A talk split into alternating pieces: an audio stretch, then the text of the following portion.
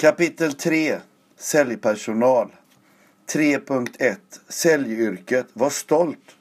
Jag har inte läst alla böcker om försäljning men de flesta jag läst finns det alltid ett avsnitt som handlar om stolthet över yrket. Varför är det så? Jag tror att det beror på gårdfarihandlarna som kallades för nasare vilket sedermera kom att användas som ett nedsättande ord för dörrförsäljare. En av de vanligaste dörrförsäljarna var de som sålde dammsugare. Jag kan tänka att dessa säljare ligger till grund för mycket av den negativa klangen av yrket. Samtidigt, om en person hade lyckats sälja dammsugare kunde han eller hon få vilket annat säljjobb som helst. Dagens telefonsäljare kan väl närmast likställas vid dörrförsäljarna. Lika ihärdiga och lika utskällda. Det sista, alltså utskällda, kan göra mig både ledsen och besviken. Jag säger inte att vi som lyfter luren och i andra änden av en telefonförsäljare ska köpa det som erbjuds. Däremot vill jag härmed uppmana alla att behandla killarna och tjejerna korrekt. Är ni inte intresserade så var tydlig med detta och avsluta samtalet. Kom ihåg att de bara gör sitt jobb som vilket annat yrke som helst. Skillnaden är att de måste prestera under så många samtal som möjligt för att få lön. Tänk er själva när ni är på jobbet och hela tiden ska prestera. Kanske att ni jobbar som undersköterska på ett äldreboende och får betalt för om du byter på de boende eller hur många byten du gör. Kanske några kronor extra för att du tar ett larm på natten. Finns inte eller accepteras inte heller vad jag vet. På tal om dammsugarförsäljare och yrket med det lite solkiga ryktet så är det numera så att försäljning, försäljning är ett vetenskapligt ämne. Tack vare detta yrke har Lars-Johan Åge, tidigare dammsugarförsäljare, blivit ekonomie doktor på Handelshögskolan. Han har också skrivit en bok som heter Konsten att göra affärer. Hans fyra teser är något som jag brukar starta mina föreläsningar och utbildningar med. Men detta får ni läsa om i hans bok eller om ni anlitar mig. I denna digitala värld så är det flertalet personer som anser att försäljaryrket är utrotningshotat på grund av internet och dess sociala medier till, som, samt till exempel e-handel. Jag är säker på att alltid kommer att finnas säljare. Daniel Pink skriver i sin bok Det är mänskligt att sälja enligt, att enligt Bureau of Labour Statistics kommer det att år 20, eller 2020 finnas ytterligare nästan två miljoner nya, observera, nya säljjobb. Internet kommer alltså inte ha den påverkan som många spekulerat i. Däremot kommer jobbet att vara, eller redan är, annorlunda. Eftersom kunden beställer via webbshop är det en nödvändighet att vara mer proaktiv än tidigare. När, nu är de samtal när kunden kontaktar säljaren färre och färre. I de samtalen kunde säljaren alltid göra en avstämning hur läget var för kunden. Detta behöver nu säljaren själv ta initiativet till. För en, för en del, kanske till och med rätt många, är detta en för, större förändringsprocess än vad man kan tro. Dessutom är behovet att jobba med dator och statistik helt annat. Hur ska du annars få veta vad kunden köper eller framförallt vad han inte köper? På tal om internet så för 15 år sedan när jag skulle köpa en produkt eller tjänst för den delen hade jag kontaktat en säljare som hade större kunskap om produkten än vad jag hade eller kunde få. Tilliten var dessutom mycket hög. Så det säljaren sa var oftast det jag trodde på. Idag löser jag ofta allt detta själv genom att surfa på internet där jag kan läsa recensioner, jämföra mellan olika modeller samt priser. Därför behöver säljaren nu vara mer lösningsorienterad och se en större helhet och förhoppningsvis prata ekonomi istället för pris.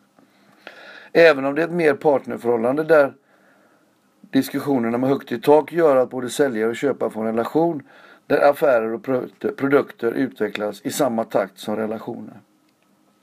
Nu tror ni säkert att jag är konstig när jag skriver ekonomi och pris. Samma sak säger en del. Leker jag med ord? Kanske. I alla fall när vi gör affärer med företag så finns det möjlighet att argumentera för ett högre pris där man i ett längre perspektiv sparar pengar i förhållande till ett lägre pris initialt. Som någon sa, vi är dyrast, det blir billigast så. Inte helt ovanligt att jag som säljchef på ett företag hade säljare som kom in till mig och berättade om en offert där han hade fått en limit från kund. Tar vi den limiten så får vi affär. Jättebra att vi får informationen. Men jag hade alltid svårt att tro att limiten var sanningsenlig samtidigt som jag tycker att nu börjar jobbet. Här kommer ett exempel där det grova drag kan visa att 100 000 lika med 110 000 kronor. Tänk er ett projekt med badrumsrenoveringar där det ska levereras produkter. Vi är ett lokalt bolag som lever, lever högt på vår flexibilitet och konkurrerar med flera stora rikstäckande företag. När vi frågar kunden varför vi är intressanta så får vi, höra, får vi ofta höra att vi packar produkterna per badrum för att sedan packa dem, ihop dem per lägenhetsuppgång. Leveransen sker alltid tidigt på morgonen och ska starta arbetet. Bara dessa tre punkter gör att kunden sparar massvis av timmar improduktiv tid som kan omvandlas till produktiv tid möjlig att fakturera. Detta gjorde att vi skulle kunna ta ut ett högre pris som ändå var samma pris som våra konkurrenter.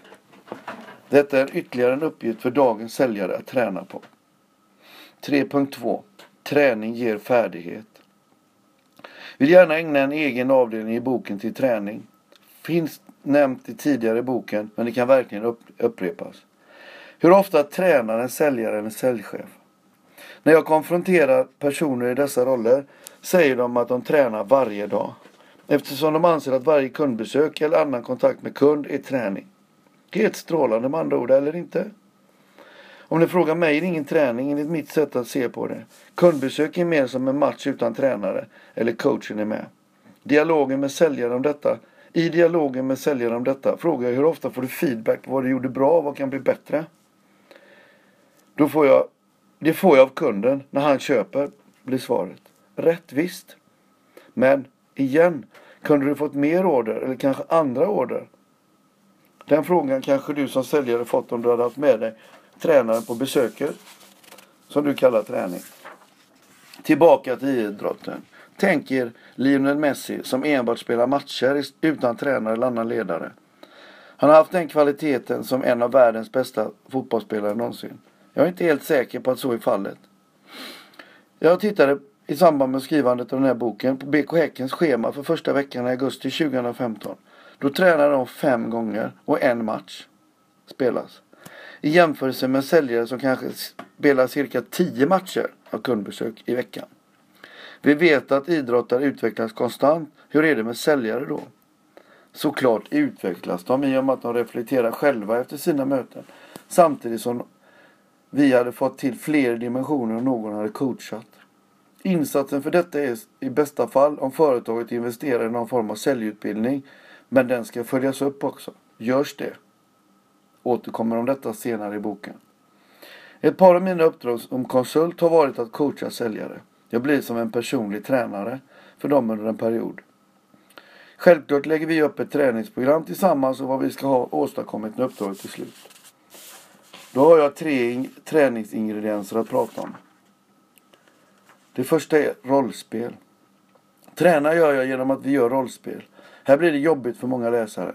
Är du inte extremt exhibitionistiskt lagd får du en klump i magen när jag lyfter företeelsen rollspel. Ofta är det på grund av erfarenheten från någon säljutbildning med resten av kollegorna i företaget. Där gör samma sak som det jag gör, men jag gör det utan publik. Det är publiken som ställer till det. Du spänner dig för att du inte göra bort dig och att de ska skratta åt dig. Samtidigt samt att du ska skapa historien och ta vidare till fikabordet på företaget. Därför ska alltid rollspel i form av kundbesök göras på tu man i den föreläsning som ska tränas på är det bra med flera personer. Men välj dessa noga samt informera dem om syftet. Det är i rollspelet vi utvecklas. Gör misstagen och får feedback. Det är absolut tillåtet att göra misstag, men gör inte om dem. Jag har ännu inte skrattat åt min motpart under alla rollspel jag har gjort. Mitt fokus är att vara koncentrerad på att göra mitt jobb. Jobbet är självklart att utveckla dig som jag gör rollspelet med. Finns det en story att berätta om rollspel? En har ni redan fått om anställningsintervju med min bonusson. En annan var när jag vid ett tillfälle hade en säljare som kom in till mig och ville prata om en kund. Problemet han hade var att han inte kom igenom och fick bara leverera. Som säljchef fanns det några, några möjligheter att lösa detta på. En var att byta säljare, en annan var att ta vid och att någon annan tar vid. Eller i detta fallet själv skulle försöka. Om kemin mellan en säljare och en kund inte fungerar det är ett ypperligt sätt att lösa detta på. I detta fallet var kemin okej. Okay. Det var inte problemet. Rollspel kom på tal, men inte traditionellt att jag skulle vara kund, utan här gjorde vi tvärtom istället. Säljaren blev kund och skulle agera samt svara på frågorna på samma sätt som kunden gjorde och jag skulle agera säljare. Kontentan av rollspelet blev att vi kom fram till att anfalla på ett lite annorlunda sätt. Det provades sedermera hos kund. Jag skulle ljuga om jag sa att det i detta konkreta fall blev total succé. Men vi fick bli leverantör och det var ett steg i rätt riktning. Det är ibland bra att göra denna typen av rollspel eller till och med att du skickar ut en annan säljare bara för att börja om från början hos kunden. Kunde inte säljaren, kanske inte säljaren är bättre, men tack vare sin erfarenhet och sitt sätt att tänka kan göra att anfallet kommer från ett annat håll och genererar framgång. Den andra delen, 3.2.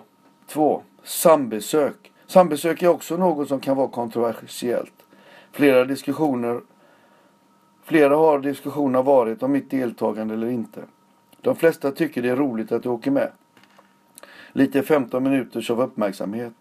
Detsamma gällde mig på min tid. Som säljare är man mycket ensam och får möjlighet att ha med en resekompis är det rena lyxen. Sedan finns det mindre trygga säljare som ser ett sambesök enbart som övervakning. Här är det mer självkänslan som behöver jobbas med. Exempelvis, tänk er att ni tränar ett idrottslag. Ni tränar tre dagar i veckan och inför match filar ni lite på detaljerna. När det sedan är matchdag stannar du som tränare kvar i omklädningsrummet under hela matchen. Möjligtvis får du träffa spelarna i pausen. Efter matchen får du i bästa fall läsa en matchrapport. Alltså besöksrapporten från säljarna är där, lika då. Resultatet kan du läsa i tidningen imorgon eller på internet. Finns detta i idrottsvärlden? Knappast, men det är ytterst vanligt i arbetslivet. Här blir det mer regel än undantag. Vad kan, vi, vad kan ni göra åt detta? Ändra på er. För min del är det en självklarhet. Introduktion av nya säljare eller säljare som ska ta över distrikt är jättebra tillfällen till sambesök. Ibland kan både säljare och chef vara med på sambesöket. Men syftet är då ett helt annat. Minst en gång per år ska säljare, säljchefen vara med säljaren ute på kundbesök. Varför inte tillsammans med medarbetarsamtalet? Viktigt vid, kundbes vid sambesöken är dels att informera kunden att ni blir två stycken och att chefen, coachens deltagande enbart är coachande. Chefens eller coachens ska vara tyst under hela mötet och enbart göra noteringar. Både bra saker och förbättringssaker för att gå igenom dem efteråt. Ska, skulle säljaren klanta till det ordentligt, låt hon eller han göra det. Annars kan de inte lära sig och du kliver, in i kliver du in i diskussionen underminerar du säljarens ställning. Enda tillfället till kommunikation med chefen är, är om du som säljare vill förstärka ett argument och därför få, med chef, få chefen att hålla med. Lojalitet är ju A och O, vilket betyder att hur tokig frågan är, än är så ska chefen alltid hålla med. Eventuella felaktigheter får ni klara upp i uppföljningsmötet efter besöket. Det bästa är om ni gör några besök i rad så att du som chef coach kan se och bekräfta utvecklingen och förändringen. Blanda gärna möten med nya kunder och kunder som funnits med i bilden ett tag. Helst ska chefen, coachen, inte själv vara säljare till kunden. För då blir det naturligt att kunden, för kunden att vända sig till fel person. Den tredje delen i coachningen. I, denna delen i coachandet som jag skrivit om tidigare ska säljaren skicka besöksrapporter till mig efter varje besök. Det innehåller vilket syfte besöket har, vad som avhandlades, eventuella order, löften etc. Här är det möjligt att coacha genom att antingen ställa frågor eller ge råd. Som konsult är det av någon anledning lättare att motivera användandet av besöksrapporten än som anställd chef. Fråga mig inte varför, eller om ni gör det. I alla fall så tror jag det beror på att dels vill säljaren ha sitt revir. Vi är tillbaka till det här med dålig självkänsla. Varför lägga tid på att skriva ner vad som är överenskommet när jag har det i huvudet? Har jag fått som svar. Det de inte tänker på är att företaget köper deras tid och vill ha möjlighet att veta allt. För säljaren är det absolut viktigast att skriva ner för att det blir en uppföljning av besöket samt och detta är inte att förakta. Vi skapar en möjlighet till bra förberedelse till nästa möte. Det är dessa, det är dessa anteckningar vi läser på, att- på om kunden inför nästa möte.